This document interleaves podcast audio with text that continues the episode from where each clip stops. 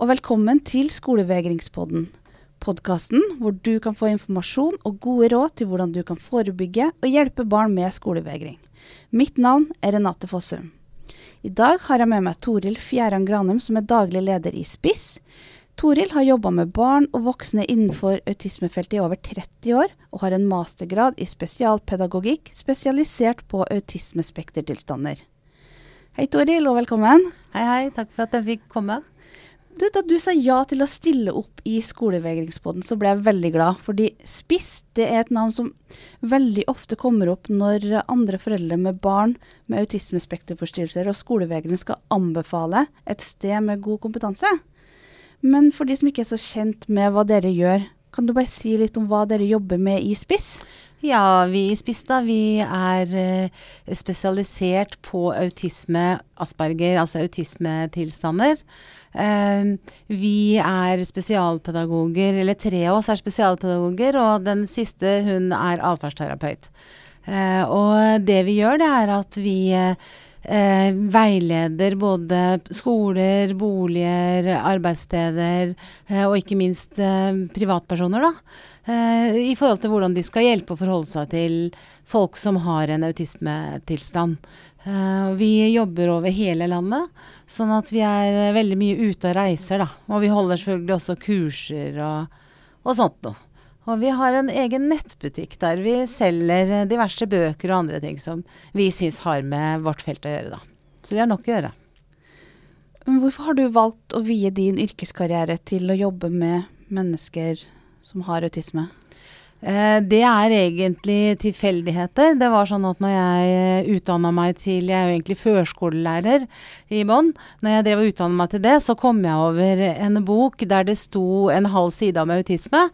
Eh, og så tenkte jeg oi, det her var spennende. og da kunne jeg jo ingenting om det.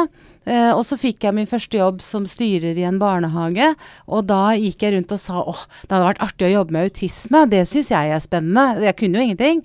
Eh, og så eh, var den jobben slutt, det var bare et vikariat.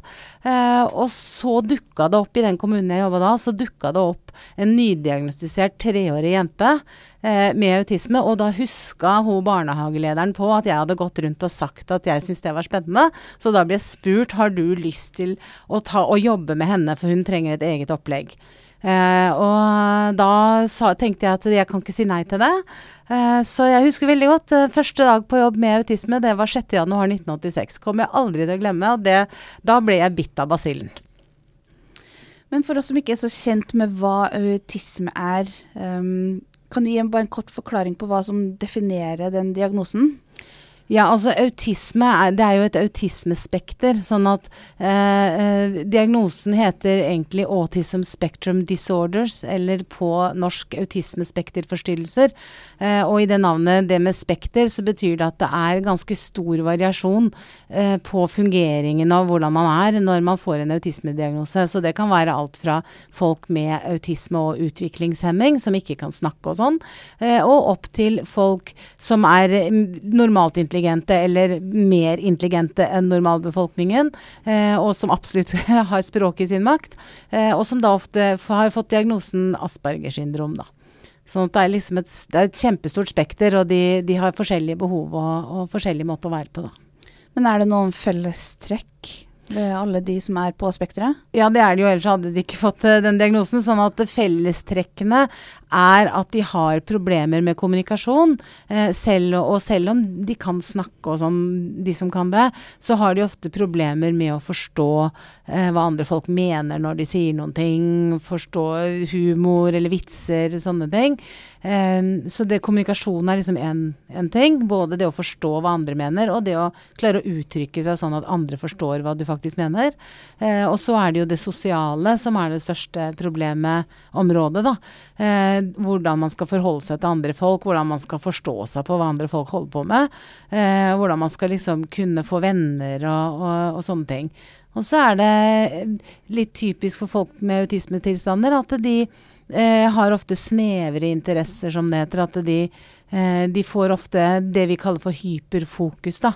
Sånn at de, er, eh, de, de, finner et område de blir interessert i, og da fordyper de seg veldig, veldig i det, og stenger liksom andre ting litt ute. Og det gjør jo at de blir veldig flinke til akkurat det, men mister kanskje en del kunnskap på andre områder, da. Så kan jo disse tingene skifte og sånn, men de, de oppfattes ofte som litt rigide. Fordi de har den form for hyperfokus. Da er det viktig med en gang å si at hyperfokus kan også være en kjempefordel, eh, særlig i arbeidslivet, hvis du er så heldig at du er interessert i noe som arbeidslivet trenger. Og det er jo mange som er. Um, så det du nevner her, det er, på en måte litt er det litt i kriteriene for å få en uh, autismediagnose? Ja, altså En autismediagnose er jo en, uh, en, diagnose du får basert på observert og rapportert atferd. Sånn at sånn veldig forenkla sagt så har de liksom noen lister med, med noen atferder som står nedover innenfor disse tre områdene. og så krysser man av hva som man syns stemmer på vedkommende. og hvis man har nok kryss, så får man en autismediagnose. Hvis man ikke har nok kryss, så havner man i, i gruppen sånn autistiske trekk eller uspesifisert utviklingsforstyrrelse eller noe sånt. Hvis man har autisme, så er det noe som er medfødt, det er ikke noe man får eller noe som kommer eller forsvinner? Nei, altså sånn vi forstår det nå, så er uh, autisme en medfødt tilstand, men det er ikke alltid at den viser seg med en gang. Den viser seg når utfordringene blir for store for vedkommende, så da spørs det det er jo litt forskjellige tider når det er. De som får uh, sånn vanlig autismediagnose, holdt jeg på å si, de, der viser det seg ofte før de er fylt tre år. Eh, mens for de som er i den delen av spekteret med normal intelligens og sånn, så er det ofte at det viser seg seinere, kanskje ved skolestart eller eh, ved fjerde-femte klasse rundt der. Og det finnes jo også folk eh, med Asperger som ikke har fått diagnosen før i voksen alder.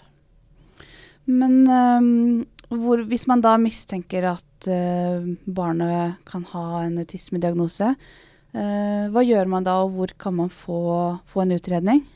Hvis man tenker at, at, det kanskje er autisme eller noe sånt, så bør man kontakte BUP. Eh, altså barne- og ungdomspsykiatrisk poliklinikk, som det heter på fint. Eh, de har kompetanse på å utrede den type tilstander. Eh, og der er det jo ofte ventetid og sånn, men det er lurt også å få en henvisning dit. Og det kan man få via fastlegen sin, eh, eller man kan også få hjelp fra skolen, da, hvis de går på skole eller barnehage. Eh, på å henvende seg dit. Og så får man eh, etter hvert lov å komme dit, og så gjør de en ulike del tester og intervjuer og litt sånt nå, og, og finner ut om eh, de syns det er det det er, da. Hvem er det som ofte oppdager eller mistenker at barn med skolevegring kan ha autisme? Eh, veldig ofte er det foreldrene, faktisk. I hvert fall min erfaring. Så, så, er det liksom foreldrene som tenker det først. Det er litt sånn typisk for foreldre til folk med autisme at de, de er velbeleste. beleste. De leser seg opp på det som de syns eh, passer på sitt barn. De leter etter det, uh, og så, så, kommer de fram til den mistanken først ofte. Men det kan selvfølgelig også være skoler, hvis man er heldig at det er uh, en lærer eller noe, assistent eller noe på skolen som kjenner barnet, og som har den kunnskapen fra før. Eller kjenner noen andre, syns det ligner osv. Er det vanlig at skolene har den, den type kunnskap? Det er veldig forskjellig. Det, altså, autismekompetanse er ikke noe du får i en grunnutdanning.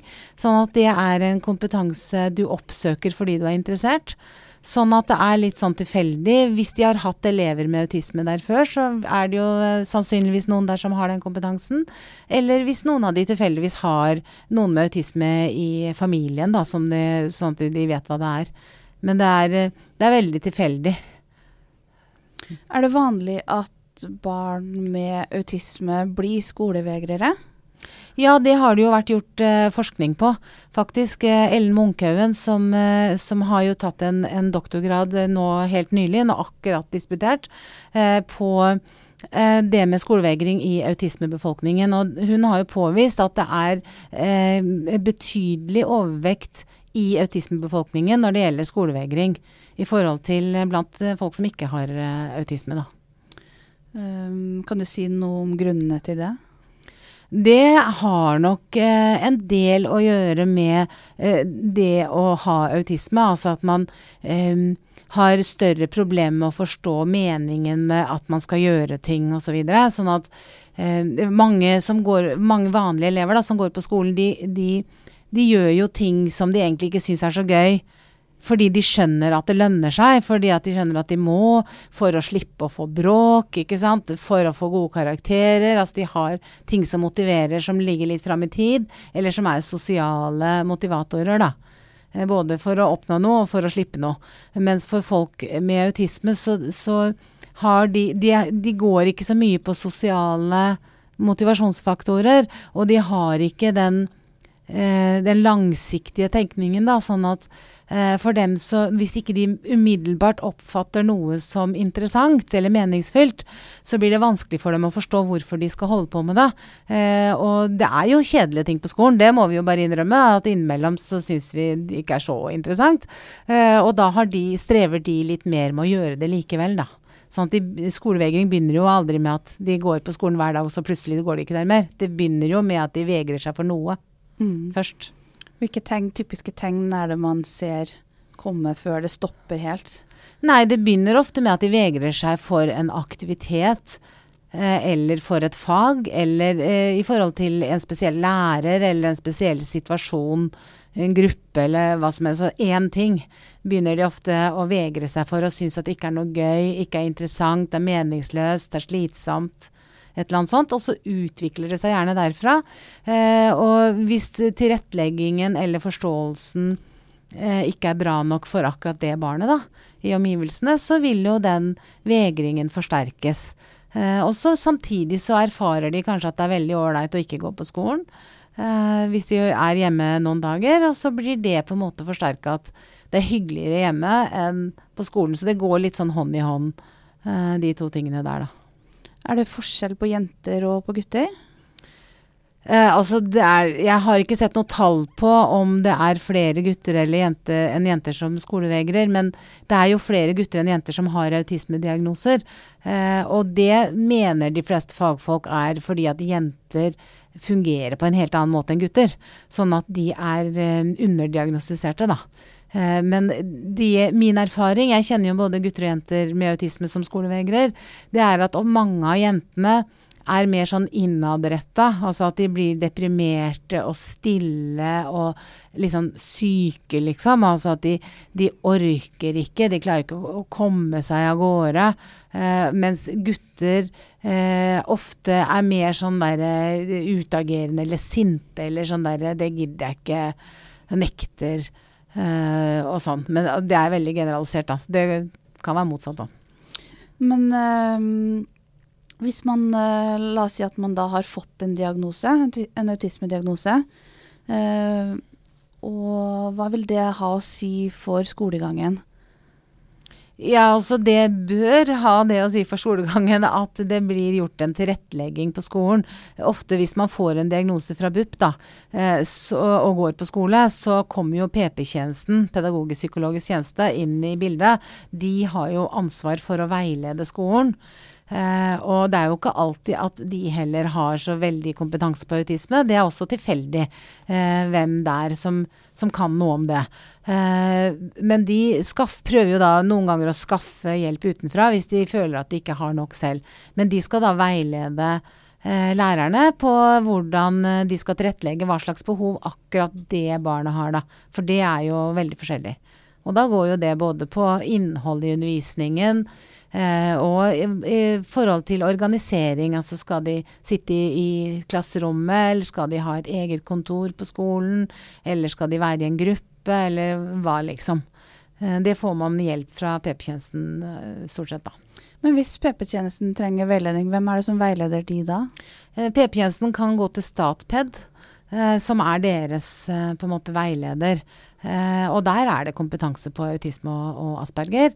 Eh, men problemet med Statped er mer at de har så mye å gjøre og så mange henvendelser at det tar alltid en del tid før de klarer å komme på banen. Eh, men nå har jo de fått eh, på sine nettsider en sånn eh, quick-opplegg, altså hvor foreldrene kan gå inn og, og, stille spørsmål direkte og få svar ganske fort. Eh, og sikkert lærere kan også gjøre det, da. Og det er jo kjempebra, for da kan man få litt sånn forte råd. Eh, de blir jo selvfølgelig mer generelle råd fordi at de ikke har sett eh, vedkommende og sånn, men det er jo en fin vei inn, da. Eh, Eller så kan de jo komme til dere i spiss også. Ja da, vi kommer jo mer enn gjerne både til skoler og, og hjem. Eh, det som er ulempen med oss, er jo at vi er private og koster penger. Eh, og det er ikke sånn at folk har krav på at vi kommer inn i bildet. Eh, men veldig ofte så får de støtte til det likevel. Men ikke alltid. Men vi kommer gjerne inn, og vi i og med at vi er private, så har ikke vi noe sånn mandat som bestemmer hva vi får lov til eller ikke, sånn at vi gjør det vi syns. Uh, og vi liker veldig godt å blande oss på alle arenaene det barnet er, da, ikke bare på ett sted. Men når dere holder kurs for skoler, eller skoler kommer til dere, hvem fra skolen er det som kommer da? Uh, det er ofte de som jobber direkte i klassen, altså lærerne og assistentene og sånn. Uh, og noen ganger de spesped-ansvarlige på skolen, da. Som kommer. Og det er fint. Vi, vi, gjerne, vi, vi underviser ofte veldig praktisk, så vi vil gjerne ha de som er på gulvet, og som skal gjøre det.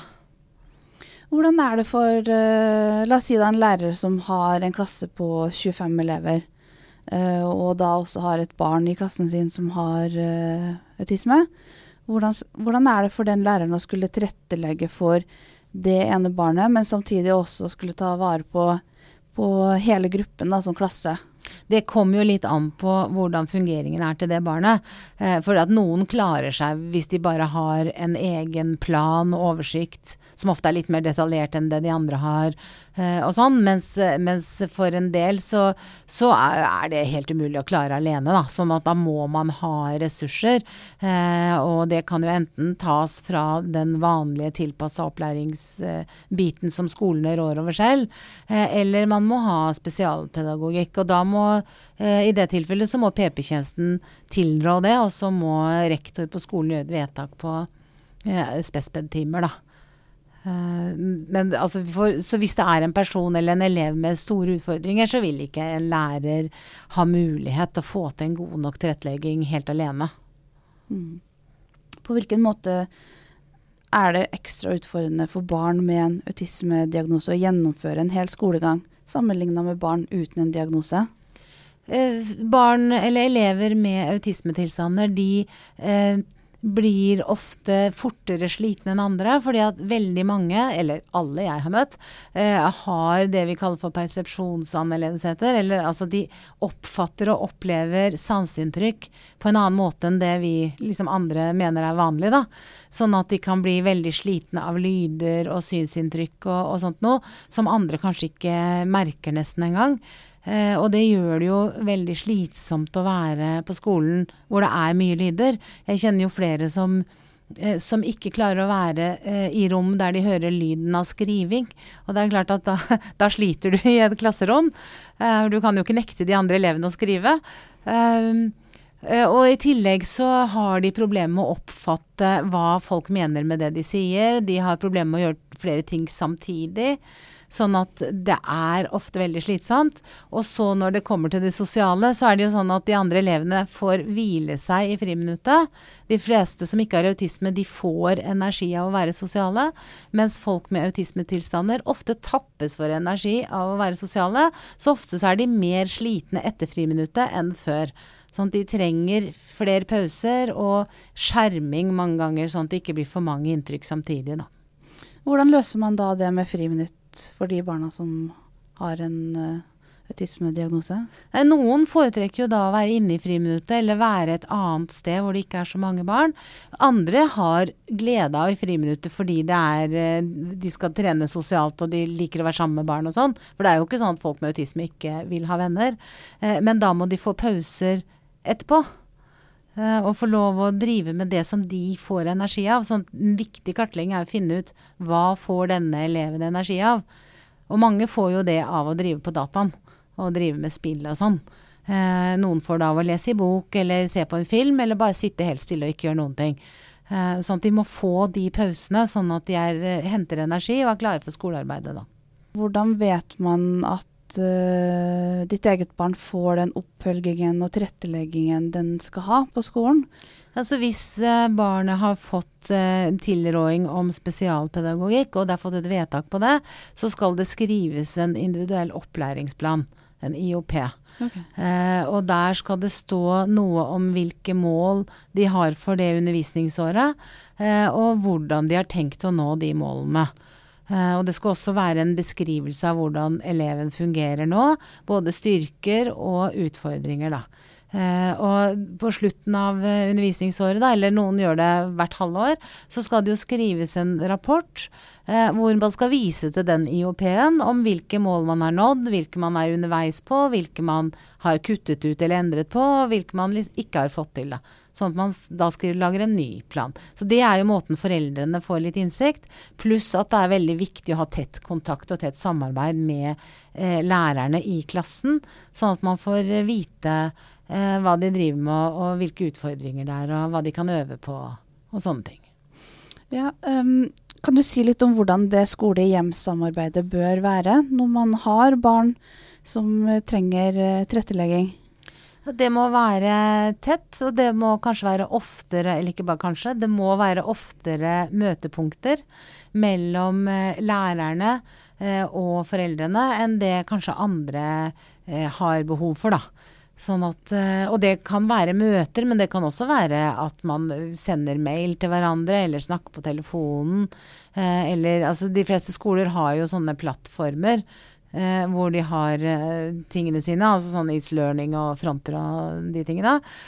og der kan også foreldrene få tilgang etter avtale, sånn at de kan utveksle tanker og ideer der, da. Hva ser du som den største utfordringen til de som jobber i skolen når det kommer til det å tilrettelegge godt nok for barn med autisme? Altså Den største utfordringen og den første utfordringen er jo kompetansen. For man kan ikke forvente at en vanlig lærer, uansett hvor flink den er, så kan man ikke forvente at de har kompetanse nok på autisme hvis ikke de har vært borti det før og sånn. Uh, og det, man kan egentlig ikke være helt sikker på om det finnes noen på skolen i det hele tatt som har nok kompetanse. Uh, og der finnes det jo faktisk uh, juridiske rettigheter, juridiske forskrifter, som sier at skolen skal ha kompetanse på de problemområdene som elevene til enhver tid har. Sånn at hvis ikke de har tilsatt som har kompetansen, så må de enten tilsette noen med det, eller de må skaffe veiledning fra noen som har det. Eh, så det er jo den største utfordringen. Og så er det selvfølgelig ressurser. Altså det å ha tid og rammer for å tilrettelegge.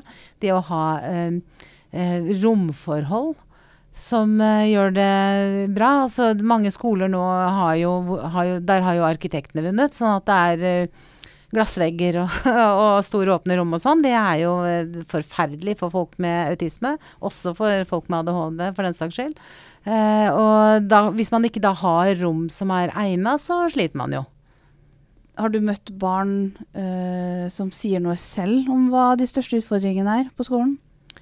Da jeg spør barn og ungdom med autismetilstander om hva de syns er sitt største problem, så svarer 100% av dem at det er at alle maser så fælt på meg hele tiden. Det er det største problemet de sjøl ser. Og det er, eh, oversatt i min verden, så er det at folk gir beskjeder på forskjellige måter. Passer ikke på at barnet er klart for å høre beskjeden. Eh, skjer for mange ting samtidig og sånn.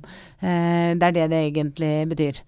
Eh, og det er jo typisk autismevansker, da, ikke sant. Hvordan kan man jobbe med inkludering av barn som har disse behovene, da? Uh, og, men som også har et stor, stort behov for skjerming fra andre elever. Hvordan kan man jobbe med å inkludere de samtidig som man må skjerme de? Altså det er fint hvis de får sitt eget kontor, og jeg insisterer på å kalle det kontor og ikke grupperom eller rom. Eh, grupperom er det jo ikke, for det er ikke noe gruppe der. Og rom er det ikke, for det har vi hjemme. Så det er kontor. så det er fint at de har sitt eget kontor på skolen, eh, som er ledig til enhver tid. Sånn at de kan gå dit når de trenger å skjerme seg. For det er jo det er veldig få som trenger å skjerme seg hele tiden. Men at de har anledning til å gå dit. Eh, kanskje at de får eh, en plassering i klasserommet som eh, nær døra, sånn at de ikke fort kan gå ut og inn av det eh, kontoret sitt eh, uten å forstyrre for mange og uten å føle seg liksom beglodd, da. Eh, eh og selvfølgelig at de eh, har den støtten de trenger til å være inne i klasserommet. At man tenker først gjennom hvilke behov har denne eleven, og så hvordan kan vi dekke de behovene. Fordi at de har behov for sosialt samvær, og de har behov for skjerming. Hvordan kan vi få til det? Og det er veldig individuelt hvordan man kan få til det. Men når, når det kommer til et punkt da, at eh, disse barna her ikke klarer den belastningen det er å være på skolen, eh, hvor skal man da starte for å få de tilbake igjen? Altså det er veldig viktig når det gjelder folk som begynner å skolevegre, at man prøver å holde dem på skolen. fordi at når, med en gang de har satt seg til hjemme, så er det mye vanskeligere å få dem tilbake igjen. Eh, fordi at de som setter seg til hjemme, eh, de gjør jo det fordi at det er noe på skolen som er vanskelig. Eh, og så lenge de er hjemme, så erfarer jo ikke de noe om skolen har gjort noe tilrettelegging. De får jo ikke se det. Sånn at det er vanskelig å vise dem at nå endrer vi på ting. For da vil de ikke tilbake. Sånn at hvis man klarer å begynne å endre ting mens de fortsatt er der, eh, så er det lettere å holde dem der, da. Eh, og så kan det være lurt når man tilbakefører, at man ikke tenker at man skal gå fra null til 100. Altså fra bare være hjemme til å være full dag på skolen. Men at man heller begynner forsiktig.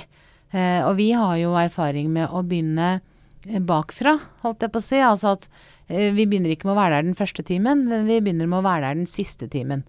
Eh, det gjelder særlig eh, barn som eh, ønsker å ha kontakt med medelever utenfor skoletid. som ønsker å ha venner og sånn. Fordi at det er liksom på skoleveien hjem at man gjør avtaler om hva som skal skje i ettermiddag. Så det er veldig lurt å få med seg det. Så vi bygger opp med at de er der den siste timen, og så er det der de to siste timene osv. Og, så og en del kommer ikke opp i full skoledag, for de klarer ikke det.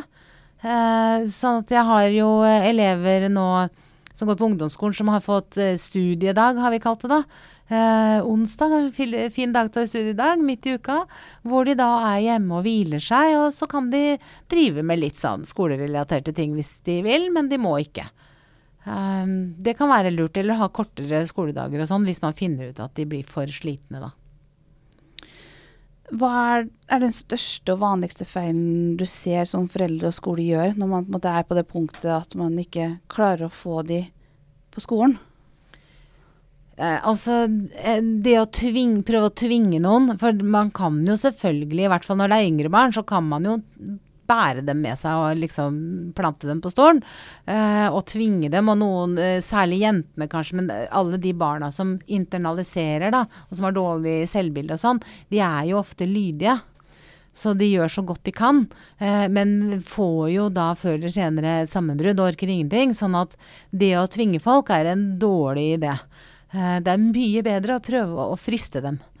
Eh, prøve å hjelpe dem til å få lyst til å å dra på skolen likevel. Og da må det være noe på skolen som er så lystbetont at de velger å lide seg gjennom det andre, for å si det sånn. Ikke at jeg mener at det er en lidelse å gå på skolen, men det mener jo noen av de, da. Um, ja, så det, det er eh, det, det, er en av, de feilene. Eh, og også det at man er litt seint ute med å komme hjem. Eh, altså det å få Hvis noen har satsa til hjemme, og har vært hjemme en stund, så bør noen fra skolen komme hjem. Ikke nødvendigvis for å drive så mye undervisning eller være der så lenge, men for å holde kontakten. Sånn at de ikke mister helt kontakten. For jo lenger de har vært borte, jo mer skummelt blir det å komme tilbake. Mm. Men når du sier lenge, hva, hva er lenge? Alvorlig skolevegring eh, defineres jo på med at du har vært hjemme, helt hjemme et år eller mer. Sånn, eh, og veldig mange av våre saker i spiss, det har de der. De har vært hjemme i mange år. Eh, men eh, jeg tenker jo at med en gang de har vært hjemme, helt hjemme, eh, noen uker eller noen måneder, da begynner det å være krise. Så det vil si at et, etter bare et par uker så er, kan man kalle at det er krise? Ja, da bør man begynne Da må man gjøre noe. Da bør det komme noen fra skolen på besøk, eller ringe, eller sende en tekstmelding, eller altså prøve å holde kontakten ikke, ikke sette av timer til undervisning, det er, ikke, det er, ikke, det viktigste. Men at man holder kontakten. Og gjerne hvis man har eh, skolekamerater som bor i nærheten, at de kan stikke innom med papirer fra skolen. Eh, altså prøve å gjøre det lettere å, å, å ha kontakt med skolen, da. Hvor viktig er kontaktlærer sin rolle i det med å holde kontakten med eleven som sitter hjemme? Det er jo kontaktlærer eh, som må det. Det er jo den som har ansvaret, sånn sett. Eh, noen ganger så kan det være lurt at det er noen andre som kommer, hvis, eh, hvis, eleven kanskje har et veldig nært forhold til en spesialpedagog eller til en assistent, så er det kanskje den som bør komme. Men kontaktlæreren er jo uansett den som skal koordinere sånne ting. Så den må være involvert. Hva gjør man da hvis barnet nekter å, nekter å ha kontakt med de som kommer hjem til barnet? Da gir man seg ikke. Det er det som er mitt enkle svar, for veldig mange av våre saker er sånn at de vil ikke ha kontakt med noen, ikke oss heller. Eh, og da er det så viktig å holde ut. Og komme og komme og komme og komme for å vise at jeg gir deg ikke opp. Eh, for de prøver oss ut, og de vil ikke at vi skal gi opp, selv om de sier det. Eh, det er jeg helt 100 overbevist om. At vi må bare komme og lite grann, være der, snakke litt høyt utenfor døra med noen andre i huset kanskje, eh, og gå igjen. Og si at jeg kommer tilbake i morgen, eller jeg kommer tilbake neste uke, eller hva det er. Um, er det noe foreldre kan gjøre hjemme uh, for å tilrettelegge for at barnet da skal komme seg på skolen? Ja, altså de kan jo passe på at det ikke blir for hyggelig å være hjemme. Eh, de må selvfølgelig få mat, og de må få gjøre ting og sånn, men, men eh, at man prøver å ikke utkonkurrere skolen for mye, da. Eh, og så er det selvfølgelig å jobbe med motivering for eh, å dra på skolen, med ulike typer belønningssystemer og, og sånt noe. Det kan være lurt, da, gjerne i samarbeid med skolen. Eh, at man får eh, ofte poeng for ting man vil at de skal gjøre, som f.eks. å dra på skolen, da, og at de poengene kan byttes inn i noe som de eh, har lyst for, noe som, noe som, de er villige til å lide for å få. Når man på en måte er på det kritiske punktet, uh, du har nevnt det med å ikke tvinge barnet på skolen, uh, mm. er det noen andre ting skole og foreldre ikke må gjøre for å prøve å få det tilbake? Altså, de kan la være med å snakke fornuft. Eh, fordi at veldig mange av de skolevegrerne, i hvert fall de som har holdt på med skolevegring en stund, de vet alt om at det er viktig å gå på skolen, og at går du ikke på skolen så får du ikke noe utdanning, og da får du ikke noe penger, og bla, bla, bla. Alt det der. Trenger ikke å si det flere ganger. Eh, fordi at det oppfattes bare som mas, og det gjør at de får enda mer piggende ut. Mm. Sånn at man kan slutte å snakke fornuft. Og så kan man heller kanskje eh, høre på hva de sier, og prøve å finne ut av sammen med dem hvordan kan vi eh, gjøre det bedre. Ta deres forslag på alvor hvis de har noen forslag. Eh, det er mye bedre. Eh, vi har jo også erfaring i spiss på en del av de vi har holdt på med, at det kan være lurt at vi er enige med dem at skolen er forferdelig. Uh, og da, De er i samarbeid med skolen og foreldrene, da, sånn at ingen mistenker at vi faktisk mener det. Uh, men at vi kan si jeg skjønner godt at du ikke går der. Eh, de lærerne der, det, de er kjedelige, altså. Eh, og du kan jo lære alt på internett, det er jeg helt enig med. Fordi at når vi sier de tingene der, så får vi ofte eh, at eleven sier ja, det er jo ikke så ille, da. Ikke sant? Ja, men det er jo, den læreren der er jo hyggelig, da. det er jo, det faget er jo interessant. Vi får de Jeg må jo ha en utdanning. Da sier de de tingene som andre har sagt. Eh, og fordelen med å få de sjøl til å si det, det er at da blir det et eierforhold til de utsagnene. Sånn at det virker mye bedre når det kommer ut av egen munn, når det, enn når det kommer inn av øra. Sånn at hvis du får dem til å si det sjøl, så har det en mye større effekt. Har dere jobbet med såkalte håpløse tilfeller, da, hvor eh, barna har sittet hjemme i over et år. Ja, ja, det er jo de sakene vi har. For I og med at vi er private og koster penger, så er det jo ikke oss de kommer til først. De kommer til oss når det andre ikke funker. Uh, så de fleste sakene våre er håpløse tilfeller. Uh, og klarer dere å få de tilbake på skolen? Ja, de fleste. Men det er klart vi, det er et tilfelle vi også sliter med. Og det er mange saker hvor vi jobber lenke. Dette her er ikke noe quick fix til. Uh, men veldig mange saker får vi til etter hvert. ja. Men er det da viktig å ha på seg riktige briller når, når barnet da har en autismediagnose? Ja, vi må jo ha autismekompetanse, for det er andre måter å henvende seg på. Og det er en annen måte å forstå deres responser og deres atferd på, eh, som er eh, helt essensielt for å få det til. Sånn at eh, man må ha autismekompetanse eh, for å gjøre det. Og man må kunne de triksa, holdt jeg på å si, da og hvordan man eh, får, kommer i posisjon. For det er jo det der ofte mange andre gir opp. De kommer ikke i posisjon. De ikke, kommer ikke inn. Eh, de får ikke noe kontakt. Eh, og det å vite litt om hvordan man gjør det, det er veldig viktig, da. Um, kan du si litt om det med forutsigbarhet, uh, og hvordan, hvorfor det er viktig for barn med en autismediagnose? Altså når man har problemer med å forstå hvordan andre folk fungerer, og når man har problemer med å ta inn eh, alt på en gang. Og når man har bokstavelig forståelse av ting man hører og, og ser, eh, så er det klart at verden vil oppleves som ganske kaotisk og uforståelig til tider. Eh, og det er klart at da Alle mennesker er jo sånn at når vi syns at det blir kaos rundt oss, så hjelper det at ting er forutsigbart, at vi er forberedt og at vi vet hva vi skal og sånn. Eh, og saken er at folk med autismetilstander de har det oftere sånn enn folk uten. Og derfor så har de større behov for eh, forutsigbarhet i form av planer og oversikter og eh, altså få vite ting i forkant, få vite detaljene helt konkret. Eh, gjerne få være med og lage de planene og sånn. Eh, de har enda større behov enn andre. Men vi alle har jo en eller annen eh, liksom tanke om hva vi skal den nærmeste tiden. Det hadde vært veldig vanskelig å leve hvis vi ikke visste noen ting om hva vi skulle. Men noen av oss trenger å vite det detaljert langt fram, og andre trenger å vite bare sånn cirka og kort fram. Og sånn er det med folk med autisme òg. Eh, hvordan er det med, med overganger? Um, er det for et barn da, som, for eksempel, som sliter med å komme seg på skolen, er det en stor overgang? Og det å bare komme seg ut av døra hjemmefra og gå til skolen, gå inn på skolen, du skal ha en time. Hvordan, hvordan, hvordan uh, tilrettelegger man for det? Ja, alle overganger er jo i utgangspunktet vanskelig for folk med autisme, fordi at man skal slutte med noe og begynne med noe. Uh, og det hullet mellom at man slutter med noe og at man begynner med noe, det er uforutsigbart. Sånn at uh, Derfor så er det forutsigbarhet og planer og oversikter. Det er det som er viktig for å hjelpe til med overgangene.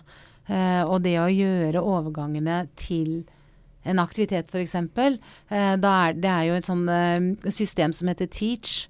Uh, som er et program egentlig som stammer fra Amerika. Uh, hvor man har, uh, bygger på kunnskap om hvordan folk med autisme fungerer. Og de har egne sånne måter å jobbe med overganger på, hvor de lager noe de kaller for transition card, eller overgangskort. som er på planen. Sånn at nederst på planen så står det hva neste ting er. Sånn at eh, hvis de f.eks. da har sittet og jobba med matematikkoppgaver, eh, så står det på planen matematikkoppgaver, og så står det nederst der 'se på timeplanen', f.eks. Det er transition cardet, da. ikke sant? Det er overgangskortet. Da, flytter, da, da er overgangen blitt en aktivitet. Jeg flytter blikket fra planen min, som jeg er ferdig med, over på den overordna planen. Der står det norskoppgaver. Ok, så er jeg i gang med norskoppgaver. Så det er en måte å gjøre det på. Er det noen andre gode hjelpemidler du anbefaler til hjem og skole? Ja, så Alle kan jo drive med dette her. Med, og det er det å gjøre de forutsigbare, og det også ha forståelse for at skifte av aktiviteter er vanskelig for folk med autisme, så ha god tid. Og jeg vet at det er et godt råd som er vanskelig å gjennomføre, eh, når, fordi at man har ofte dårlig tid. Eh, men det å, å i hvert fall ha forståelsen for at dette kommer til å ta tid, det å skifte fokus er vanskelig for folk med autisme. Man må ha god tid. Hvis man ikke har god tid, så skjærer det seg, og årsaken var at man hadde dårlig tid. Det er ikke barnet som er vrangt, men det var for dårlig tid. Og det er litt greit å i hvert fall tenke på, da. Prøve å ha god tid. Hvordan er perspektivet for tid for disse barna? Mange mennesker med autismetilstander har problemer med tid, også de som kan klokka og kan alt om minutter og sekunder og sånn. Eh, de har en dårlig følelse for tid. Sånn at selv om de vet at en aktivitet varer i ti minutter f.eks., så er det ikke sikkert at de har en følelse på hvor lang ti minutter er. Sånn at hvis noen sier at nå er det ti minutter til vi skal gå f.eks., så kan de gjerne starte med noe som tar en time. Eh, ikke fordi de er late eller vrange, men fordi de ikke har den følelsen på hva rekker jeg på ti minutter? Eller hvor lenge er det til ti minutter? Sånn at mange bruker jo da timere, altså så, f.eks. sånne ur som vi bruker for å, å lage mat. da. Eh, men de, sånne som ringer, de har ofte dårlig effekt fordi at man stiller de på ti minutter, da, ikke sant? og så ringer de om ti minutter. og Da skvetter folk fordi at de har ikke fulgt med på klokka. Sånn at da blir det akkurat like brå overgang allikevel. Så de beste timerne er de som er visuelle. Hvor man kan se at tiden går, sånn at man blir forberedt på at nå nærmer det seg at jeg må avslutte det jeg driver med. Da. Det er den beste hjelpen. Og da er det annet eh, en jeg har lagt min els på, det kan jeg si for det er ikke noe jeg selger. det er en som heter Time Timer, som man kan få eh, forskjellige steder. Jeg lurer på om man kan få den på Hjelpemiddelsentralen nå. Som er en visuell timer som, hvor det er et sånt rødt felt man trekker ut av klokka, på en måte. Og så går det røde feltet forsvinner gradvis inn i klokka. sånn at når alt det røde er borte, da er det. Det er et veldig godt hjelpemiddel. Brukes det i skole? De som vet om det, gjør, jo det, men det er ikke alle som vet om det. Um, Skolevegringsboden har jo også en Facebook-side hvor det har vært mulighet til å legge inn kommentarer med spørsmål eh, til deg i forkant av denne innspillinga.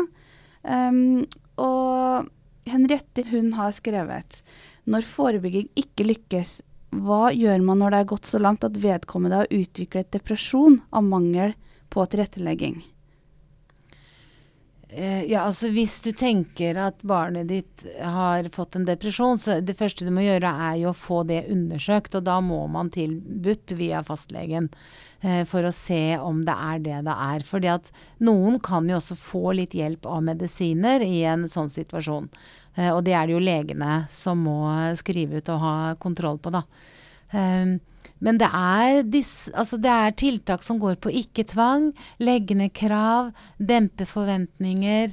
Eh, legge til rette for eh, at barnet eh, selv eh, blir med på å, prøve ting. Da. Og veldig gradvis tilnærming. Gå sakte fram.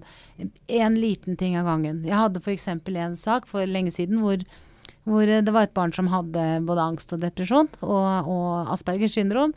Eh, hvor vi begynte med, når han skulle tilbake på skolen, at det første målet var at han skulle sammen med moren sin gå til klasserommet, stå utenfor klasserommet med døren åpen inn til klasserommet. Og det var da hans kontor, ikke klassens rom.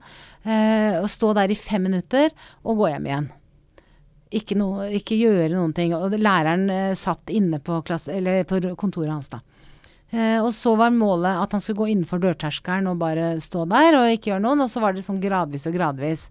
Eh, fram til at han kunne være der og jobbe sammen med den eh, læreren, da. Det tok lang tid, men det var liksom så gradvis måtte være da, for at han ikke skulle få utløst et angstanfall, da. Hvor lang tid da tok det?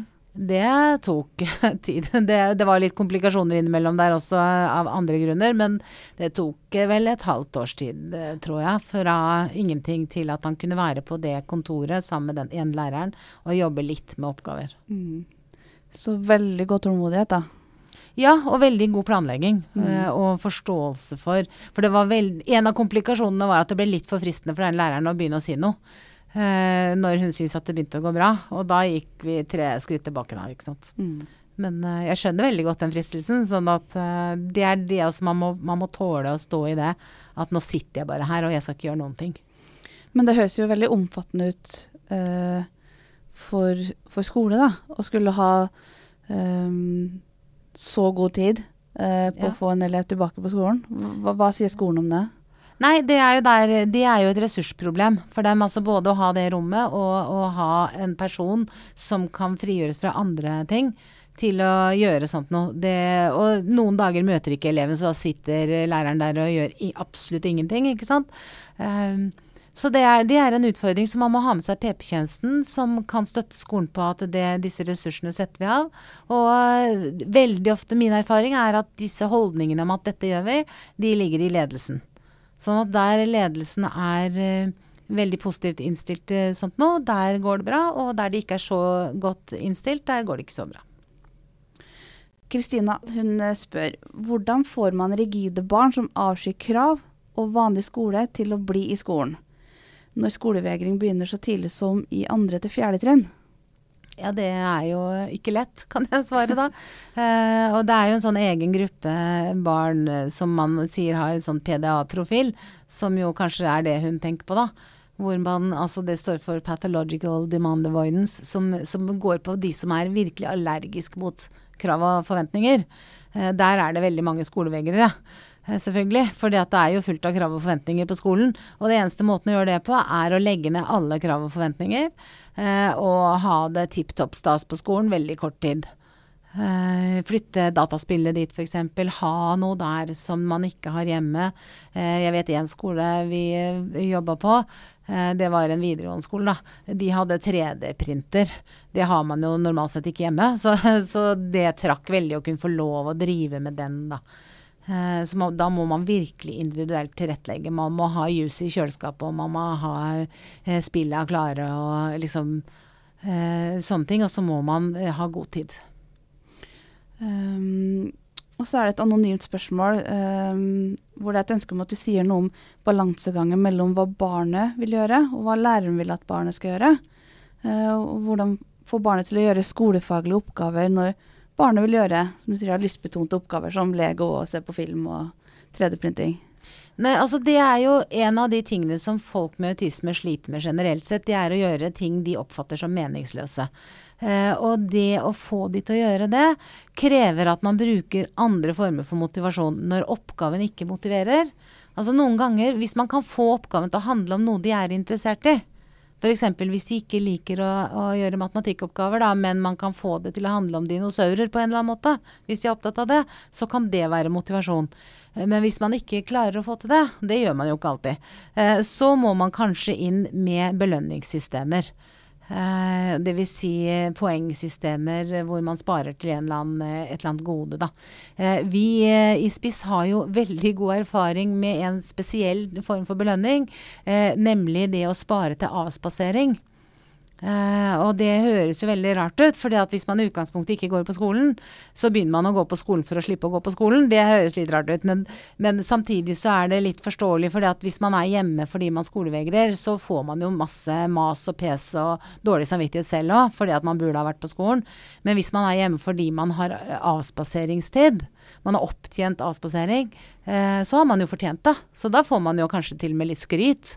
Uh, så vi har mange som sparer til avspasering eh, siste timen på fredag eller hele dagen eh, og sånn. Og det eneste man trenger da, er at PP-tjenesten skriver eh, et lite avsnitt om at det er greit.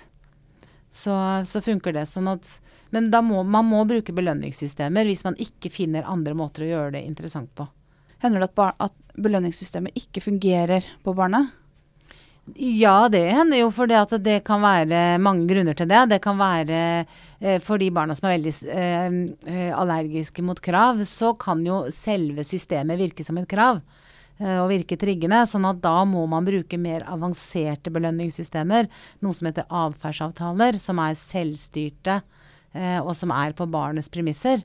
Eh, men det kan også være, grunnen kan også være at det de sparer til, ikke er noe de er interessert i å få. Eller at det de sparer til er noe de kan få uten å gjøre noe av. Uh, det vi kaller for lekkasjer i systemet. da. Uh, F.eks. hvis man sparer til å få en cola, uh, så virker jo ikke det hvis man også får cola uten å gjøre noe. Sånn at man må ha kontroll på, på de premiene. Og det kan være også En grunn kan være at oppgavene de skal gjøre, er for vanskelige. Sånn at det hjelper ikke hvor lyst de har, det får de ikke til. Sånn det, det, er mange grunner til at et sånt system eh, ikke fungerer. Eh, men et belønningssystem i seg selv er bra. Og jeg vet at det er mange som eh, skiller veldig på ytre og indre motivasjon og syns liksom at det er bedre med indre motivasjon og sånn. Og, og, mens jeg tenker at det vi kaller for indre motivasjon, det er ofte at vi er motivert av sosiale faktorer, enn, og også av på en måte hva skal vi si, selvoppbyggingsforsterkere. da, Altså at vi føler oss at vi har blitt flinkere. Altså mestring og sånn. Men det er jo bare en, en form for forsterkere. Uh, og folk med autisme går ikke så ofte på det, for de har ikke så veldig forståelse av sosiale for, forsterkere. Så de liker mer konkrete forsterkere, som uh, f.eks. materielle forsterkere, eller det å slippe unna noe ubehagelig. Eksempel. det, det er ikke noe verre det, det er bare en annen type forsterkere. Vi andre går også på materielle forsterkere. Det er ingen av oss som jobber gratis uten å få penger, f.eks. Sånn at eh, selv om vi også får andre typer gleder ut av å jobbe, eh, så, så, får vi, vi får mange forskjellige typer forsterkere da, for å gjøre det vi gjør. Hva er skolens holdninger til disse type, de, alle disse forskjellige belønningssystemene? Nei, det er en del skoler som har litt pigger ut mot når vi kommer med belønningssystemer, fordi de mener at det er liksom å, å ødelegge for eh, de indre eh, belønningene, da, eller indre forsterkerne. Eh, indre motivasjonsfaktorene. Og det Vi er jo uenige i det. Men, så vi må bruke litt sånn overbevisningstaktikk. Og noen ganger så kan vi ikke gjøre det fordi at de har så imot det. Eh, og grunnen til at de har imot det, er jo at det er det man ofte lærer på når man går og lærer og blir lærer, holdt jeg på å si. Så, er, så får man ofte undervisning i i dette. Vi mener jo at det er feil. Uh, men noen andre mener at det er riktig, da. Sånn at noen ganger må vi gi oss, og da funker det ikke noe særlig. Og andre ganger får vi overbevist folk om at vi kan prøve litt og se hvordan det går og sånn. Men hvordan kan, hvordan kan kontaktlærer forklare til klassen sin da, at en, en elev får lov å sitte på et rom ved siden av klasserommet og gjøre, se på film eller bygge Lego eller gjøre andre ting enn å sitte inne ha, i klasserommet og ha undervisning? Det er ikke så vanskelig. Altså, jeg har veldig mange ganger vært i klasser på alle trinn og fortalt elever om at en av medelevene har en autismetilstand. Eh, og at den har diverse eh, tiltak. Eh, det er ikke rettferdig å behandle alle likt. Og det finnes det jo mange bilder av. Jeg har sett et bilde på Facebook med tre gutter som står og ser på en fotballkamp over gjerdet. Eh, tre gutter i forskjellig høyde. Eh, alle står på en kasse. Han ene ser godt, han andre ser så vidt, og han tredje han ser ingenting. Eh, mens når de fordeler kassene litt annerledes, han minste får to kasser, og han mellomste får én kasse, og han største får ikke noe kasse, da ser alle. Uh, og det er et veldig godt bilde å vise til elever for å forklare at det er rettferdig å behandle folk ulikt. Og at denne eleven trenger å ha det sånn for å få til det som du får til uten å ha det sånn. De aller fleste elever er veldig tolerante og inkluderende når de bare har fått riktig informasjon.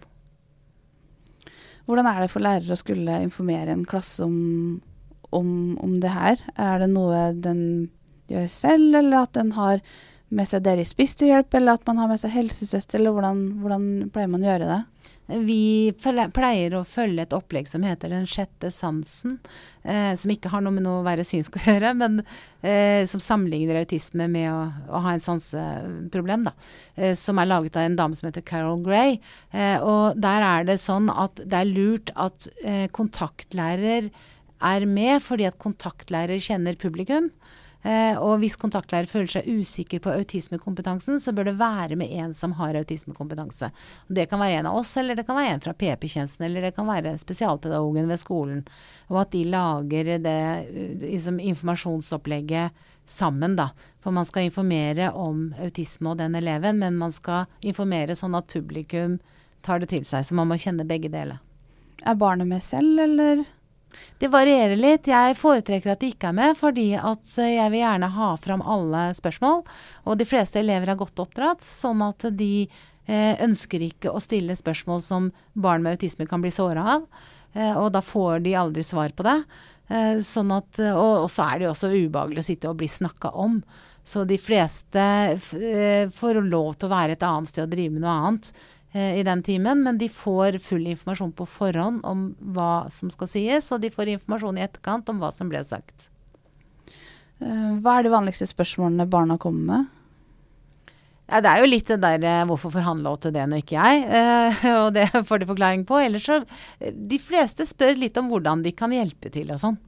Hva kan vi gjøre med det, og, og hvorfor vil han ikke være med å leke den leken der, og og så kan det være elev, hvis de har en elev i klassen som er utagerende, og som kanskje snakker stygt til læreren eller kaster med ting og sånn, så spør de ofte om hva er det, og uh, hvordan skal vi ordne med det, og, og, sånne ting, da. Men kan det at man har et barn med skolevegring som får lov å gjøre andre ting enn det klassen får gjøre, um, kan det smitte over på de andre elevene? Jeg tror ikke man skal være så redd for det hvis man forklarer dem hvorfor akkurat han gjør sånn. Eh, det som også er viktig å informere de i fleste tilfeller eh, når det gjelder skolevegrende elever, da, og det å informere de andre elevene om at ikke lag så veldig mye styr når han kommer. Fordi at det å få veldig mye oppmerksomhet kan være noe som gjør at de ikke tør å komme mer. Sånn at eh, liksom lat som ingenting. Vær vennlig og hyggelig, men ikke overdriv, liksom. Det, det kan være et godt råd til medelevene, da. Det er jo sikkert fort gjort for uh, uh, lærere og elever når det barnet som har skolevegring, kommer, først kommer seg på skolen og gir det masse ros og oppmerksomhet, som du sier. Men hvordan oppleves det for barn som har autisme? Det er jo selvfølgelig litt forskjellig, men mange barn med autisme syns at det er veldig ubehagelig å få sånn fokus. Eh, og de mest reflekterte av dem blir jo litt fornærma, for de får skryt for noe som er helt normalt. Ikke sant? Sånn at da føler de at folk kanskje tenker at de er litt dumme, siden de må nødt til å skryte av dem for å gå på skolen. Alle andre går jo på skolen, de får ikke skryt for det. Sånn at, men det er noen andre igjen, da. De elsker jo å få skryt. Sånn at uh, man må tilpasse litt til hvem det er, da. Du, helt til slutt så ønsker jeg å spørre deg noe som jeg spør alle gjestene mine om. Uh, hvis du kan gi ett godt, råd til foreldre med barn som har skolevegring, um, hva, er, hva skulle det rådet vært? Ikke gi deg. Press på.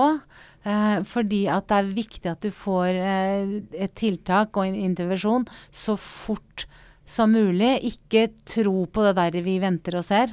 Og ikke vær redd for å bli vanskelig foreldre, for det er jobben din. Og hvis du da skulle gi et godt råd til de som jobber i skolen med disse barna, hva skulle det vært? Det må jo da være hør på foreldrene, ta dem på alvor, ikke sitt og vent. Gjør noe med en gang, det kan ikke skade. Tusen takk for at du stilte opp eh, og delte din kunnskap med oss, Toril. Takk.